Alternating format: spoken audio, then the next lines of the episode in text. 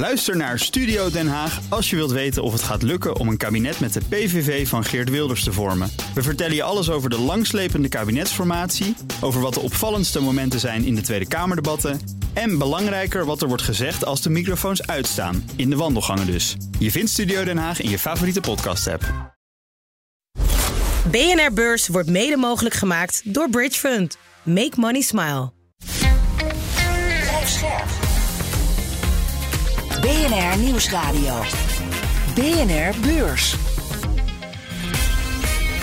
Wesley Weerts, Jelle Maasbach. Ja, de laatste werkdag, bijna weekend. Het zonnetje schijnt, de lucht is blauw. En hier is Peter Beurs voor jou. De speciale vrijdageditie waar we weer eh, je luistervraag gaan beantwoorden. Ja, die kan je altijd opsturen naar bnrbeurs.bnr.nl. Je hebt vroeger gekeken naar uh, die gekleurde wezentjes. De Teletubbies. Ja.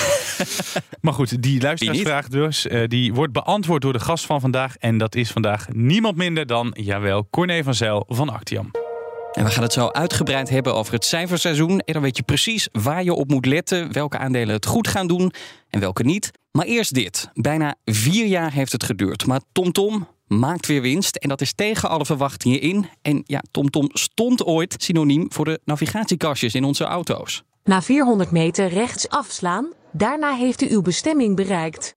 Maar van dat succesverhaal is weinig over. En nu navigeert het zich na jaren een weg uit de rode cijfers. Nog even die uh, kwartaalcijfers op een rijtje. De netto-winst kwam uit op 3 miljoen euro. De omzet steeg met 10% tot bijna 141 miljoen. Tegenwoordig gebruiken we Google Maps in de auto. Maar waar verdient TomTom tegenwoordig uh, zijn geld mee? Ja, met name aan de software uh, die je hebt om files te meten en dat soort zaken. Maar ook dat kan Google waarschijnlijk een stuk beter dan TomTom. Zou ik zeggen, maar goed, ik gebruik geen TomTom. ik heb nog een oud kastje en Google in mijn, in mijn auto zitten.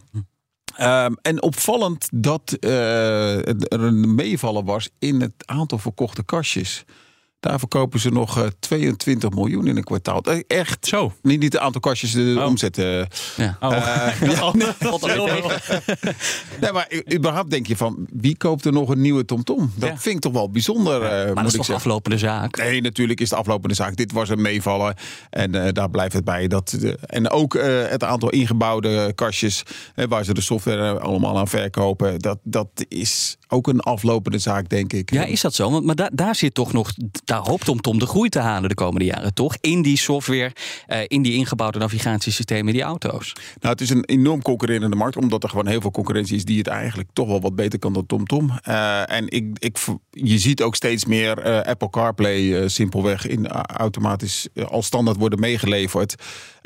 en dat zal denk ik toch wel de grootste concurrent voor TomTom zijn. Maar inderdaad, ook daar was het meevallen. Je kan het ook uh, omdraaien, want ze doen kennelijk toch nog iets goed dat ze niet helemaal zijn overrompeld door Google en Apple. Wat, wat doen zij wat Apple en Google bijvoorbeeld niet kunnen? Of niet kunnen aanbieden? Uh, goeie vraag. Goed kan, ik niet, kan ik niet beantwoorden. Uh, misschien is het een kwestie van prijsconcurrentie dat ze nog wel kunnen verkopen. Maar uh, ja, beleggers waren er in ieder geval blij mee vandaag. De koers was plus 6%. maar dat, eigenlijk maakt dat niet uit. Dit is vooral een kwestie van die 3 miljoen winst waar je het over ja, had. Ja. Dat is mooi nieuws en dat hebben we jaren niet gezien. Komt met name door reorganisatie, daar moet je het vooral van hebben. En voor de rest, als je dit aan wil hebben, moet je vooral kijken naar de lange termijn. Ja. Dit zou dan de belofte zijn voor self-driving cars. Het is dus alsof ik een, een woordvoerder van TomTom Tom ben, maar het, ook een beetje nostalgisch, want het was ooit echt de trots. Uh, we keken daar heel uh, trots met z'n allen na. Het was echt een technologisch hoogstandje. Dat is het nu niet meer. Nee, inderdaad. Nou ja, dat, zij zeggen dus dat het nog wel gaat worden met die self-driving cars. Dat het een essentieel onderdeel zal zijn. Uh, en daar zijn ze fors aan het investeren. En als we over tien jaar met zo'n allemaal een self-driving car rijden. Mm -hmm. wat ik enigszins weig te betwijfelen. Maar dan uh, zou TomTom Tom weer in de lead kunnen zijn. En daar zijn ze nu voor in te investeren. Dan heb je dus veel geduld nodig en veel hoop dat het zij daadwerkelijk de winnaar worden in dat proces. Maar hebben zij daar hebben zij goede kaarten? Uh, hebben zij echt iets in huis waarmee ze ook die concurrentie aan kunnen? Met grote techgiganten, met autofabrikanten? Ja, nou ja, uh, zij zeggen van wel. Maar als je dat soort uh, giganten tegenover je hebt staan met veel grotere researchbudgetten vraag ik me af of TomTom de wedstrijd gaat winnen. Ik hoor heel veel diepe zuchten elke keer als Corné. Ja, nou wel, het is een Nederlands bedrijf, dus ik hoop het allemaal wel. Maar als je nou een beetje reëel kijkt, of je nou, als je nou een, een concurrent als Google tegen je over hebt staan, dan lijkt me toch wel logisch dat je die wedstrijd niet gaat winnen. Nee, en ook niet en, en dat ze zich op bepaalde bedrijven gericht. Of zit er niet ergens iets in dat jij denkt, nou, daar kunnen ze het. Nou, ik zit niet in wat, wat Google niet kan, wat zij wel kunnen. En daar houdt het eigenlijk het dan bij op. Maar misschien, ik hoop dat ik te cynisch ben. Dan een ander bedrijf, luxemerk Hermes, heeft het veel en veel beter gedaan dan waarop door analisten en beleggers werd gerekend. Bijna 3,5 miljard euro aan omzet in het eerste kwartaal. Dat zijn nog eens andere cijfers. Ja. En dat is een plus van 23 procent, terwijl er was gerekend op 15 procent. En zowel in China als in de VS geven mensen veel geld uit aan spullen van Hermes. Ondanks flinke prijsverhogingen van begin dit jaar. En dan naar een eh, zeldzame ingreep van Euronext op de Amsterdamse beurs. Zes bedrijven moeten Damrak verlaten. Ze zaten op het zogeheten strafbankje omdat ze geen accountant hadden die de boeken controleerde. Euronext die schrapt nu dus de noteringen. Ja, en om aan te geven hoe bijzonder dat is. Vorig jaar werd eh, het failliet verklaarde biotechbedrijf Espirite. Ik hoop dat ik het Espirit. Ik dacht dat het Esprit was. Ja, Esprit, ik kan dat zo goed in naam uitspreken. Die hebben ze toen eh, verwijderd. En dat was voor het eerst sinds 2000. Dus in 23 jaar tijd is maar één bedrijf verwijderd. En nu in één keer zes. En ik geef erbij aan, eh, eerlijk, Corné, het zijn kleine bedrijfjes. Maar toch ehm, geeft het beleggers vertrouwen dat Euronext zo durft in te grijpen. En in één klap zes bedrijven hun notering afpakt. Ik denk dat het goed is. Het is wel zo dat al deze bedrijven in de hoek zitten waar de klappen vallen. Om de simpele reden dat geen enkel eh, accountant nog zijn handen wil branden aan dit soort bedrijven. Omdat er te veel eh ja, gesjoemel is geweest in het verleden in, in, in dit segment. En wil niet zeggen dat deze bedrijven allemaal zo slecht zijn. Maar ja, accountants zeggen, joh, weet je, wij willen ons handen niet aan branden. En dus kunnen ze geen accountant krijgen. En dus zitten ze dus in de problemen. Eh, en ik zie ook niet zozeer hoe, eh, hoe ze eruit kunnen komen. Want gaan meer bedrijven daar last van hebben? Want inderdaad, wat jij zegt, die bedrijven zeggen wij willen wel door, we willen hier heel graag blijven, maar we kunnen geen accountant eh, vinden. Dat lijkt dus te kloppen als ik jou zo hoor. Maar zijn er meer bedrijven die daar last van gaan krijgen? Nou, accountancy is sowieso een probleem. En we hebben heel veel problemen. Eh, i- Iedere keer als er een schandaal is, wordt ook de accountant aangeklaagd. Omdat hij niet goed heeft gecontroleerd. Ja, dat kost ze gewoon heel veel geld. Dus vandaar dat ze heel erg rigide kijken. Van joh, weet je, als wij daar een mogelijk risico zien, gaan wij daar onze handen niet aan branden. En dat is toch wel een dilemma wat voorlopig nog niet opgelost is. Ik denk dat eh, op, met name op Europees niveau op een gegeven moment daar iets van bescherming voor zou moeten zijn. Eh, en dan kunnen wellicht ook de tarieven naar beneden. Want ik hoorde net Arnold Boot ook in de uitzending zeggen: van, ja, moet, die tarieven moeten omhoog. Ik denk, nou, volgens mij heb je nog nooit een, een accountantsrekening gezien. Maar eh, en, en, en ja, dat dilemma, daar, daar blijf je wel voor staan. Nu wil je als eh, beursbedrijf niet op zo'n strafbankje zitten. Hoe ontwijk je als belegger eh, die eh, potentiële strafbank? Nou ja, gewoon het, het onderste gedeelte van de markt eh, haal je uit. Je kijkt even naar de koersbeweging. En als er een paar dagen gewoon een, een flatliner is en opeens gaat het omhoog en naar beneden. Of je kijkt naar de spread in de koers. Dus de bied- en de laadkoers. waarvoor je kan kopen, waarvoor je kan verkopen. En als dat heel erg hoog is en bijna geen omzet. Ja, dan moet je gewoon een beetje oppassen. En extra goed je huiswerk doen als een soort accountant. Nou, Mooi. en we hebben ook een eh, luisteraarsvraag. En dat is een persoonlijke voor jou, Corné, dit keer. We hebben het vaak gehad over jouw boekje met al die tegeltjeswijsheden. En Ad die vraagt zich af: wat voor wijsheden gebruik jij zelf met beleggen? Nou, eh, een van de mooiste van het boek is dan wel... Ja, wie achter de kudde aanloopt, sjouwt altijd door de stront. Eén, omdat het ontzettend plastisch is. en Maar het is ook zo mooi. Hè? Toevallig heb ik deze week een grafiek getwitterd...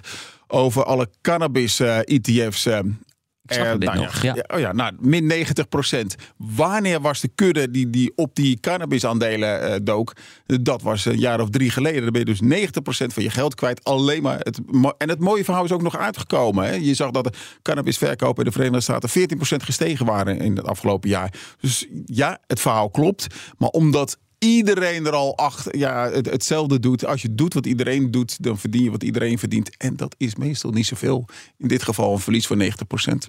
Oké, leuk eh, zo'n persoonlijke vraag ook. Ja, niet achter de kudde aanlopen. Nee. En anders eh, je laars aandoen. Dank voor het opsturen. Je kan ze altijd mailen naar ons naar bnrbeurs.bnr.nl. Het gaat dan echt beginnen, het cijferseizoen. Corné vertelt je zo op welke aandelen je moet gaan letten. Maar eerst naar de opvallendste verhalen van de week uit BNR Beurs. We gaan kijken hoe het eh, is afgelopen en wat er nog gaat gebeuren. Zo kwam het eh, IMF met niet echt opbeurend nieuws over de inflatie. Die is hardnekkiger dan gedacht, zeggen ze, en blijft langer op een hoog niveau. En ze roepen centrale banken op om door te gaan met het verhogen van de rente, ondanks omvallende banken. Ja, de renteverhoging is één ding uit die gereedschapskist van eh, centrale banken. Wat kunnen ze dan nog meer, eh Corné, als de banken dreigen om te vallen? Nou ja, dat hebben we de afgelopen tijd gezien. Eh, eh, steunen, zorgen dat ze bij andere partijen worden ondergebracht. Eh, en als het echt dreigt fout te gaan, de aandeelhouders laten bloeden. En liquiditeitsratio's verhogen. Dat is Klaas Knot wat hij dat heeft gezegd. Maar ja, wat ik mee wil zeggen, je kan geld erin stoppen wat je wil. Maar daar, uiteindelijk is het kwestie van sentiment. En als iedereen zijn geld wegtrekt, is de bank failliet. Centen en sentiment, dat is een ander boek van jou. Ja. het is de Corné van Zel. eh, Heb je gelijk mijn oeuvre ook gehad hoor. Maar er gebeurde meer, want het was ook de week dat bijna iedereen boos was op Aal Delhaize. Medewerkers, vakbonden, klimaatactivisten. Ze lieten van zich horen tijdens de aandeelhoudersvergadering. Maar de belegger, die hoorde je niet, want het aandeel is dit jaar flink doorgestegen. En deze gebeurtenissen, Corné, die krijgen dus nog geen vat op de beurskoers van Ahold. Gaat dit nog effect hebben of zie jij heel andere risico's voor het aandeel? Eh, nee, ik denk dat het geen effect heeft. Ik kreeg, om maar een dergelijk voorbeeld te geven. Ja. Wat, wat die boosheid is, dat komt vanuit de maatschappij. En dat kun je terecht vinden of niet. Eh, ik, zie een heleboel politici klagen over de gigantische winsten van eh Ahold. Ja, die worden niet in Europa gehaald. Want in Europa hebben ze al twee jaar winstdaling op rij. Ja, Amerika. Amerika inderdaad is het vooral. En daar kan je die heel makkelijk doorprijzen. En dat is ook geen enkel probleem. En, en daar zit dus ook een kern van het toekomstig probleem. Wat ik veel. Wat ik, waar ik me meer zorgen over maak. Wat we nu hebben gezien is dat er een soort inflatiegolf is geweest. Nou, zij gaan daarin mee. Als er meer inkoopkosten zijn, gaan hun prijzen ook omhoog. Gaat je automatisch je winst omhoog, zonder dat je marge hoeft te stijgen. Maar wat je nu gaat zien is dat iedereen meer loon wil hebben en de inflatie naar beneden gaat. Dus dan ga je het omgekeerde effect krijgen. Voorheen, vorig jaar hoefden die lonen nog niet verhoogd te worden en dat gaat nu pas komen. En met name een bedrijf wat heel veel werknemers heeft, zoals een Ahold, gaat daar heel veel last van hebben. Maar dan is dat dus wel een risico. Dus vroeg Dat of is- laat, want die vakbonden die willen hogere lonen, gaat Ja. dit toch meespelen in dat eh, aandeel. Uiteindelijk, zeker in krappe arbeidsmarkten, in de Verenigde Staten, maar ook hier, gaat dat een rol spelen. Je had het net over Hermes, eh, Wes. Ja. Eh, deze week ging het ook in onze uitzending over LVMH, dat andere luxe merk uit Frankrijk. Mhm. Het heeft weer heel veel tassen, champagne en andere luxe producten verkocht.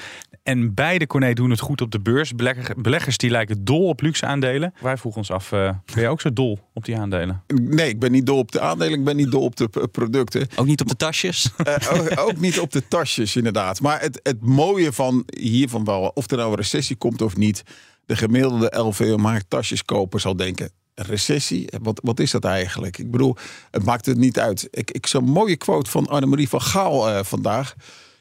Over het algemeen wordt er gedacht dat zij erg op de centen is. Zegt ze, ja, die dure tasjes, dat is niks voor mij. Bij 4000 euro houdt het wel zo'n beetje op voor mij. Oké.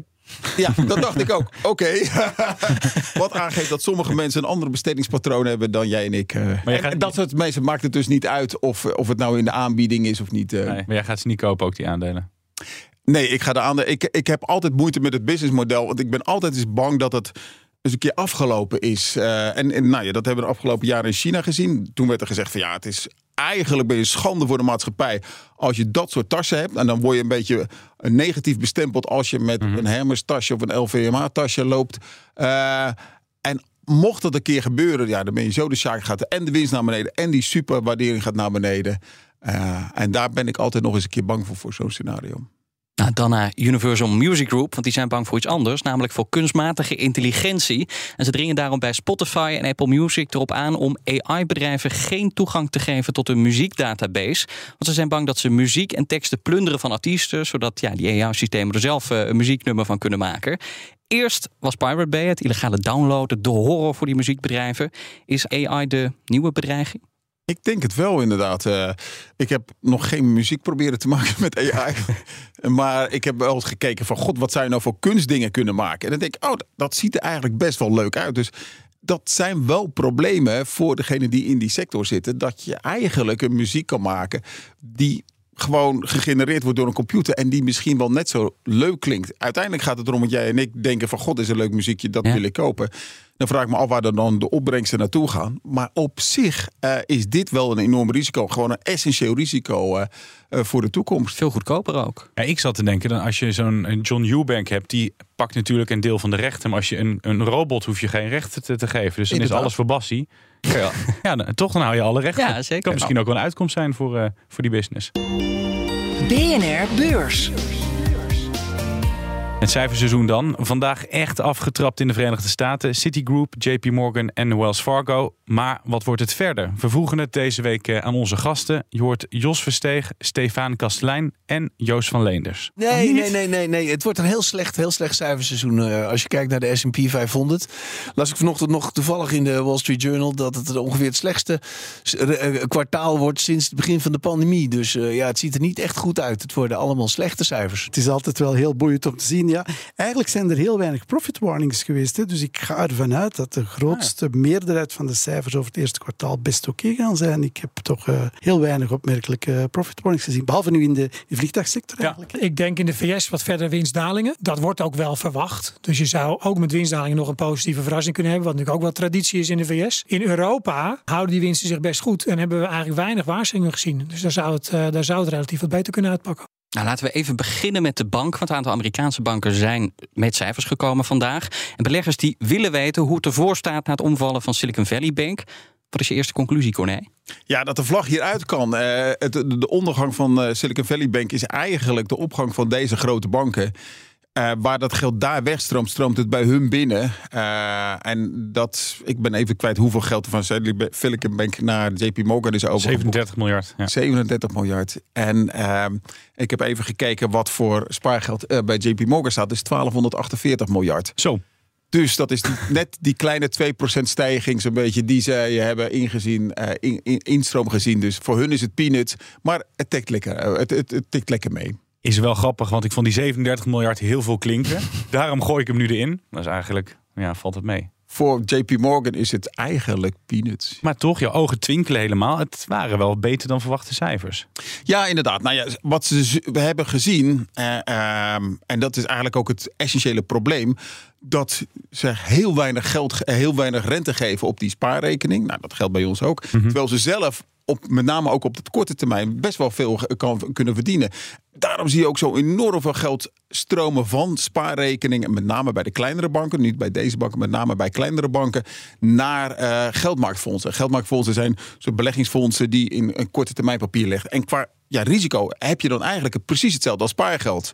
Sterker nog, het is eigenlijk minder risicovol omdat een bank kan, nou ja, zoals we gezien hebben, kan omvallen. En bij een geldmarktfonds, ja, dat is gewoon wat erin zit. Er zit geen schuld tegenover, wat er ook. Dus eigenlijk is het minder risicovol. Maar de rendementen zijn een stuk hoger. In plaats van een half of een heel procent wat je in Amerika mm. krijgt, kan je wel daar tot 4,5 procent, tot richting de 5 procent op je geldmarktfonds krijgen.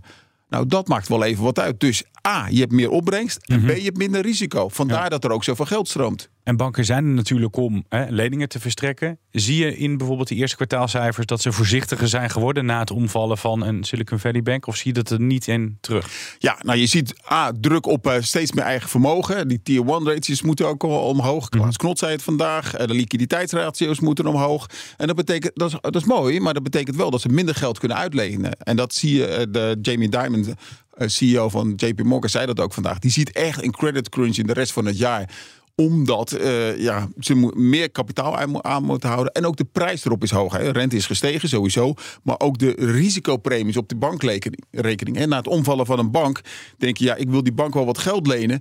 maar dan moet die moet ik echt wel wat meer risicopremie krijgen. Dus de, de prijs is verhoogd, de, de, de, de rente die je erop betaalt. En de beschikbare hoeveelheid die uitgeleend kan worden, gaat naar beneden toe. Dus ja, dat lijkt me essentieel voor creditcrunch. En ik denk een van de belangrijkste factoren voor de rest van het jaar. En hoeveel geld gaat er in die stoppenpotten vanwege slechte leningen? Leningen die niet terugbetaald kunnen worden? Nou, dat valt eigenlijk nog wel mee. Dat was redelijk volgens verwachting. Uh, ja, er komt een recessie aan, dus, maar daar waren ze al allemaal wat voorzichtiger bij. Dus uh, daar houden ze rekening mee. Jamie Dimon houdt zelf ook rekening met een recessie in de rest van het jaar. En eigenlijk houdt iedereen daar wel zo'n beetje rekening mee. 65% van de economen in ieder geval. En dat betekent dus dat, ja, dat eigenlijk die stroppenpotten goed genoeg gevuld zijn. Dus er gaat voorlopig ook niets uh, meer aankomen dan? Nee, er is nog wel één essentieel iets wat je ziet is dat uh, veel partijen zich wel zorgen maken over met name de onroerend goedmarkt. Gaat slechter mee. Winkels en kantoren gaat het slecht mee. Dus uh, en en dat, die hebben over het algemeen best wel veel schuld daar tegenover gestaan. En die worden ook niet meer gefinancierd. Dus als, als een schuld afloopt, moet je gaan herfinancieren. Ja, dat gaat tegen hele hoge uh, rentes. En dat wordt een probleem. Van de week was de eerste huizenkoper al, al omgevallen. En die uh, moesten een paar duizend huizen werden op de markt gegooid. Maar we hebben problemen in de bankenwereld gehad. Verwacht je dan nu grote problemen in die vastgoed, uh, vastgoedwereld? Met name in de Verenigde Staten zie ik daar wel wat problemen. En ook in Europa maken zich zorgen over.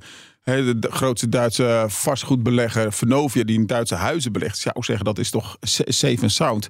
Maar daar maken mensen zich echt zorgen over de schulden die ze daar hebben. En ook de verwachtingen voor het Amerikaanse cijferseizoen zijn niet al te best. Je hoort het net al in het uh, overzicht. Van de 500 grootste bedrijven waarschuwen 81 voor een tegenvallend kwartaal. Terwijl we in Europa nauwelijks winstwaarschuwingen zagen. Hoe komt dat, dat verschil tussen Amerika en Europa? Het komt vooral omdat de Europese bedrijven niet zoveel uh, hebben gezegd van tevoren. Dus hoeven ze ook niet te waarschuwen. en, en sowieso uh, zie je dat Europese bedrijven het eigenlijk best wel goed hebben gedaan. Uh, de winstverwachtingen zijn niet zo gedaald als in de Verenigde Staten. Dat is opvallend. Hoewel daar de afgelopen twee, drie weken echt wel een kentering is gekomen. Ook hier zie je nu dat de winstverwachtingen naar beneden worden bijgeschaald. Dus dat, dat, ook daar is niet zo goed. Maar ik zag wel dat wij in Europa misschien nog geholpen worden door die energieprijzen. Want die waren, daar waren waren we vorig jaar mee in het nadeel. Want die waren hier extreem hoog. Amerika ook wel, maar minder hoog dan hier. Ja, die zien we dalen. Dus is dat dan de positieve factor in de Europese cijfers uh, dit keer? Nou, dat is de positieve factor geweest uh, vanaf oktober. Toen waren we echt bang dat er een koude winter aan zou komen. En dat uh, heel de Europese economie op zijn gat zou leggen. En dat we allemaal in de kou zouden zitten. Nou, dat is ongelooflijk meegevallen. Hè, van de zomer had je een gasprijs van 3,5 euro. En nu heb je een gasprijs van 50 cent. Uh, nou, dat maakt wel even wat uit. En die enorme meevallen heeft ervoor gezorgd uh, dat, we, dat we niet zo bang hoeven te zijn dat de hele Europese uh, economie op zijn gat lag. En dat heeft ervoor gezorgd dat sinds oktober Europese aandelen het ongelooflijk veel beter hebben gedaan. Tot, 1, tot oktober dacht iedereen van nou, dat komt nooit meer goed met Europa. Van ja, we zitten in een halve oorlog en we, we kunnen niet stoken. maar dat bleek dus wat mee te vallen, ja. Ziet er goed uit. Dan klinkt de analyse van Corné van Zaal wat gezelliger dan die van het IMF. Die sombert echt over de economie. Um, ben jij uh, dan niet zo terughoudend over de rest van het jaar als dat het IMF het is? Nou, het IMF is vooral. Die hebben eigenlijk een heel goed basisscenario van nou, een procentje of drie economische groei voor de wereldeconomie. En dat blijft zo tot en met 2028. Nou, dat gaat natuurlijk zeker niet uitkomen. Maar. Uh, dat is het basisscenario. En daarna komt een enorm. Eh, als je de overige 800 pagina's leest, zie je dat er heel veel gewaarschuwd wordt voor de effecten van die hogere inflatie. Uh, want die zullen ervoor zorgen dat de centrale banken langer toch door moeten gaan en mhm. langer op de pauzeknop blijven drukken. En dat heeft er gewoon een negatief effect op de economie. En dat zie je eigenlijk nu ook al. Dus die, die credit crunch uh, is al begonnen door die hogere rente van de Fed. En daarbovenop komt nog die credit crunch door de banken. Credit crunch is wel het toverwoord van deze aflevering. Merk. Daar gaan we nog vaak uh, over hebben. Uh, iets anders, techbedrijven die ontsloegen recent massaal personeel. De omzet groeit niet zo hard meer. En dus verschuift de aandacht naar het op peil houden van de winst. En daarom moeten de loonkosten omlaag. Ja, Corné, zien we de soms rigoureuze ingrepen dit kwartaal al uh, terug in de cijfers? Nou ja, bij bedrijven als Meta, die natuurlijk al vorig jaar begonnen is met uh, flink te reorganiseren, zou je dat zeker zien. Uh, maar uiteindelijk wil je als, als belegger in zo'n bedrijf zien dat er groei is. Mm -hmm. En niet zozeer dat, uh, dat de kosten bespaard worden. Hoewel Meta ook daarin wel een, een uitzonderlijk geval was. Want die gaven natuurlijk zoveel geld uit aan de ja, metaverse. Je wilt, dat, ze die, dat ze dat geld besparen daar bij Meta. Ja, inderdaad. Dus dat, nou ja, vandaar dat ook Meta, de koers is een beetje verdubbeld sinds het dieptepunt. Dus wat dat betreft heeft dat ook wel... Zijn beleggers, die zaten er lang op te wachten en hebben ook gekregen waar ze op hoopten. Nou ja, uh, dit jaar bijna 80% erbij voor uh, Meta. Apple rond de 30% geplust. Microsoft en Alphabet doen het ook goed. Zo'n uh, 20% beide. Wat is jouw favoriet van die aandelen? Misschien zit er wel een, een andere naam bij. Nou, eigenlijk allemaal niet. Omdat ze A, al gepresteerd hebben. Uh, en, en, dat is ook logisch. Hè. Ik had het de hele tijd over credit crunch. Daar hebben eigenlijk zij weinig last van. Omdat ze heel veel cash op de balans hebben. De meeste hebben heel veel cash op de balans staan. Het zijn over het algemeen groeiaandelen. Die hebben dus weinig last. Uh, die profiteren van de rentedaling die we de afgelopen maand hebben gezien. Um, en het zijn een beetje veilige bedrijven. Hè. Dus wat dat betreft ja, ze hebben ze alle vinkjes wel, wel afgevinkt. Uh, en dat verklaart waarom de performance zo mooi is geweest. Maar voor een favoriet kijk ik liever naar de toekomst. En dan denk ik, ja, als alles er al in zit, dan ja, zie ik er niet zoveel muziek meer in. Verwacht je dan een terugval voor, die, voor deze aandelen? Voor de koersen? Ja, voor de koersen. Ik denk het wel. Ik denk dat de waardering nu echt dusdanig is opgelopen dat het niet leuk meer is. En dat betekent ook gelijk dat het een beeld geeft over de totale uh, index. Omdat het eh, een enorm groot gedeelte van de index, ongeveer een kwart van de index zijn, ik noem het altijd de mama-aandelen. Microsoft, Amazon, Meta. Apple Ja. en Alphabet. Als je daar niet zoveel van verwacht, verwacht je eigenlijk ook niet zoveel van de rest van de markt. Omdat het zo'n groot gedeelte van de markt is. Maar daar wil je helemaal niet meer in tech-aandelen zitten de komende tijd? Nou, ik zou, eh, je moet altijd een beetje, eh, joh, altijd je risico's verdelen. Dus ik zou er altijd wel een beetje in zitten, maar ik zou er wel voorzichtig mee zijn. We gaan zo naar jouw favorieten kijken. Jouw echte favorieten, dus waar je wel in moet beleggen. Eén ding was net al een beetje ter sprake gekomen. Dat waren de kosten. Ja. Hè, want kan een bedrijf de kosten wel doorberekenen. En tot nu toe lukte dat aardig. Maar voor hoe lang? Nou Corné, wat denk jij? Hoe lang gaat dit nog eh, goed lukken? Nou, ik denk dus niet zo lang. Nee. Ik denk dat we de mooiste periode achter de rug hebben. Eh, ik noemde net Ahold als voorbeeld in Europa dat daar de winst dalen. Maar het is eigenlijk een uitzondering. Je hebt eigenlijk ook wel een beetje een, een winstinflatie gezien. Om de simpele reden als de inputkosten omhoog gaan eh, en je gaat met hetzelfde percentage je outputkosten, dus de prijzen eh, die jij als consument moet betalen, gewoon evenaren, dan hou je au- automatisch veel meer winst over. Maar ik denk dat nu die kosten, met name bij bedrijven die heel veel eh, loonkosten hebben, dat die echt wel het moeilijk gaan krijgen. Zijn er dan ook al bedrijven, want dan, dan gaat het over de personeelskosten. maar er zijn ook bedrijven die zijn veel kwijt aan bijvoorbeeld energie of inkoop. Zijn er bedrijven die nu al het ergste achter de rug hebben? Omdat die nu misschien zien dat de prijzen stabiliseren of zelfs dalen. Die zou ik niet zo even 1, 2, 3 eh, weten. Ja, ook, eh, eh, energie-intensieve bedrijven. Luchtvaartmaatschappij is denk ik wel een mooi voorbeeld eh, daar, daarvan. Die, nou ja, ze hebben veel afgedekt over het algemeen. Hè. Air France KLM uit mijn hoofd dekt altijd zes maanden af. Dus dat ga je pas na zes maanden zien. Maar uiteindelijk ben je dus goedkoper uit met je kerosine. Terwijl iedereen ja, zit nog steeds in de post-corona fase. Wil eh, gaan vliegen. Vliegtuigen zitten vol. Dus hoge bezettingscapaciteit is een plus. En bovendien zijn er bijna geen, eh, is er bijna geen prijsconcurrentie. Want eh, degene die op last minute tickets wil wachten. Die kan blijven wachten, want die zijn er bijna niet meer. Hoor ik Dus je nou de eerste analist die positief is over luchtvaartaandelen? voor eh, luchtvaartmaatschappijen moet je nood hebben. Maar het is Ja, één helaas. keer in de tien jaar dat ze hun dag in de zon hebben. Eh, en dat hebben we ook al gezien. Hè? Dit, dit jaar is een van de. Tot dusver is een van de betere jaren geweest eh, voor, voor luchtvaartmaatschappijen.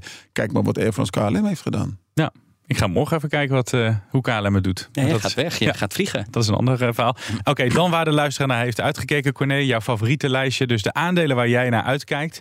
Namen en rugnummers laten we gewoon gez- gezellig beginnen met de Hollandse aandelen. Of tenminste, die genoteerd zijn aan de AX. Wat zijn aandelen waarvan je zegt, die kunnen er uitspringen? Ja, ik denk dan, eh, nou, qua nieuwswaarde denk ik dat Ahold wel een van de interessante is om of zij al die, die, die terugval zien. Eh, en ik denk dat de banken toch wel ook interessant zullen zijn. Maar met name vanwege alle achterliggende redenen. Hoe zijn zij door deze storm gekomen? Eh, en dat maakt voor mij het meest interessante. En wat voor soort bedrijven gaan het beste doen, denk jij? Ja, dat vind ik wel moeilijk. Want je mag verwachten dat de cyclische bedrijven toch al de eerste moeilijkheden zien. Waar je, eh, en een bedrijf met veel schulden moet je voor oppassen. Eh, maar met name naar de toekomst toe. Eh, ik, ik vind het best wel moeilijk wat dat betreft. Is het ook een lastiger cijferseizoen dan normaal? Want ik merk ook normaal gesproken, als we met analisten ernaar uitkijken, dan schudden ze zo een aantal namen uit hun mouw. En ik merk dat dit kwartaalseizoen wat lastiger is. Omdat er zijn wat meer ja, factoren die meespelen, laat ik het zo zeggen. Ja, het enige waar je dan nog, denk ik, echt bij de pure consumentengoederen. Eh, die je iedere dag gebruikt, zoals de Heineken's, Unilevers, die hebben afgelopen jaar best wel moeite gehad om die eh, inputprijzen door te prijzen. Eh, en nu de inputprijzen wat afkomen, kunnen zij en en de prijzen en eindprijzen gaan nog wat omhoog, zou je daar wat marge-expansie kunnen verwachten. Jij maakt het Corné ook wel moeilijk door alleen die AX-bedrijf. Je mag alleen maar kiezen uit AX-bedrijf. Misschien heb je wel een heel andere favoriet buiten de AX op. Ik, eh, ik, wat dat betreft vind ik het gewoon moeilijk. Misschien komt het ook omdat ik niet zo positief ben over de markt. Eh, maar eh, ik vind het gewoon moeilijk om bedrijven eruit te kiezen die. eh, Misschien moeten we gewoon vragen welke gaan slecht doen. Dan komen we er sneller, denk ik. Ja, dan heb je Nou ja, met name de kredietgevoelige bedrijven. En ook daar, dat zal vooral voor de, de rest van het jaar een, een, enorme impact gaan geven. Dus kredietgevoelige bedrijven. eh, dus bedrijven met veel schulden. eh, bedrijven die afhankelijk zijn van eh, partijen met veel schulden. en, en bedrijven met veel loonkosten. Nou zit je dit te luisteren als, als misschien wel beginnende belegger of belegger die net een beetje zo aan bezig is. En dan weet de grote Corné van Zijl al niet waar hij op moet letten. Hoe moet je je dan door dit cijferseizoen gaan worstelen? Nou, ik zou zeggen, kijk nog eens even terug in het boekje. even maximaal. Mr. Market makes you humble. eh. Laten wij gewoon alvast kijken naar volgende week. Want wat staat er vanaf maandag op de agenda? De week begint rustig, maar vooral dinsdag en woensdag beloven drukke dagen te worden. Het cijferseizoen barst dan echt los. Zo komen grote Amerikaanse banken als Bank of America en Goldman Sachs met de resultaten. Beleggers die houden hun hart vast. Ze willen namelijk weten hoe de sector ervoor staat na het omvallen van de Silicon Valley Bank. Op de dinsdag zijn ook multinationals als Tesla, IBM en Netflix aan de beurt. Op woensdag brengen de eerste AX-bedrijven hun kwartaalcijfers naar buiten. Het gaat om ASML en Heineken. Merkt de chipmachinemaker iets van de tegenvallende verkoop van smartphones en computers? En wat doet de hogere bierprijs met de verkoop? Het beloven spannende weken te worden, dus luister naar BNR Beurs. Zo blijf je helemaal op de hoogte en mis je niks. Daarmee zijn we helaas aan het einde gekomen van deze aflevering. We hebben altijd een tip uit het boekje van Corné Heeft van hij een boekje? Heeft hij een boek- ja, hij heeft een boekje. En eh, die tegeltjeswijsheden die zijn altijd ingesproken door onze lieftallige collega Emma. Maar we gaan het de komende tijd op een andere manier afsluiten. Want Corné maakt veel te veel reclame voor dat boekje. en dus Corné, aan jou de vraag. Kan jij met een mooie spreuk afsluiten? Ja, eh, inderdaad. Nou, jullie hadden het over Hermes en LVMA. Dus eigenlijk is de meest logische quote pagina nummer eh, 334. There are people who have money and there are people who are rich. Coco Chanel. Mooi. En eh, het boekje kan je nog steeds winnen als je een vraag naar ons stuurt. Hij is nergens meer te krijgen. bnrbeurs.bnr.nl Ehm, En dan wordt jouw vraag er mogelijk uitgepikt. En die stellen wij dan aan onze gasten van vrijdag. Dus het boekje blijft. Dan zeggen wij eh, tot volgende week. Ja, wij blijven ook. Tot volgende week. BNR Beurs wordt mede mogelijk gemaakt door Bridge Fund. Make money smile. Ook Thomas van Zeil vind je in de BNR-app. Je kunt live naar mij luisteren in Zaken doen, de BNR-app met breaking news, het laatste zakelijke nieuws en je vindt er alle BNR-podcasts, bijvoorbeeld Het Nieuwe Geld. Download nu de gratis BNR-app en blijf scherp.